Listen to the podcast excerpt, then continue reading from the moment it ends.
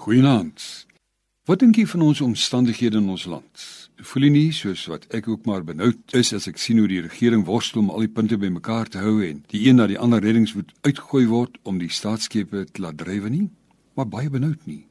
En die bron waaruit alles geskep word, word al kleiner en die nood van die werklooses al hoër. Dit was nie daar van Gideon nie veel beter nie. Vir 7 jaar lank het die Midianiete die land geplunder. As dit oestyd is, het hulle hulle bondgenote, die Amalekiete en ander mense in die ooste, soos 'n springkans swerm oor die land getrek en die land kaal gestroop, so die Israeliete ellende en hongersnood in die ergste vorm geken het. En as ons Gideon kry in Rigter 6, is hy as die jongste van die armste familie in die stam van Manasse besig om koring in 'n paskyp te wan. Hy kruip uit vrees daarin weg vir die Midianiete. Belaglik sou jy sê om koring so te dors. Jy het tog wind nodig om die doppe weg te waai as jy koring wan en hoeveel wind is daar nou in 'n 2 meter diep paskyp? So bang was Gideon.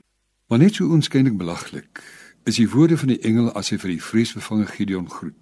Die Here is by jou, dapper held. Daar's niks dapper aan Gideon nie. En dan sê die engel: "Gaan met die krag wat jy het en gaan red die Israeliete uit die mag van die Midianiete." Met watter krag? Hierdie bewende knieë en verlamde arms van vrees? U ken en u kan die verdere geskiedenis van hierdie besondere rigter in Rigter 6 gaan lees.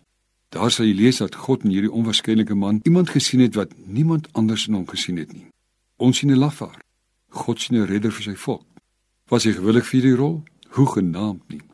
Die Here moes met hom 'n pad stap en verskeie wonderwerke verrig voordat hy geglo het dat hy in die krag van die Here die onmoontlike moontlik sal maak, naamlik dat hy sy volk sal red uit die mag van die Midianiete.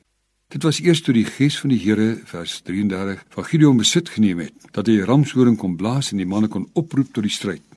Meer nog, sy mag moes uitdun sodat hy kon begryp nie uit eie krag nie, maar net deur die krag van God kom die oorwinning. Dis vandag nie anders nie. Ons land is vol verskrikte Gideons. Ander vlug land uit.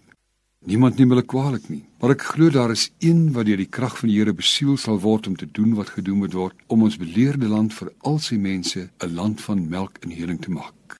Is jy dalk die een? Bid saam met my. Here, ons bid dat U vir ons 'n Gideons laat opstaan, gevul met U krag wat ons land weer heel sal maak. In Jesus se naam. Amen.